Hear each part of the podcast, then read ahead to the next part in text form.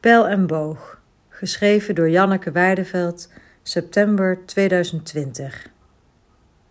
Mijn eigen pad, naar wie of wat dat ook leidt, kronkelt voor mij uit.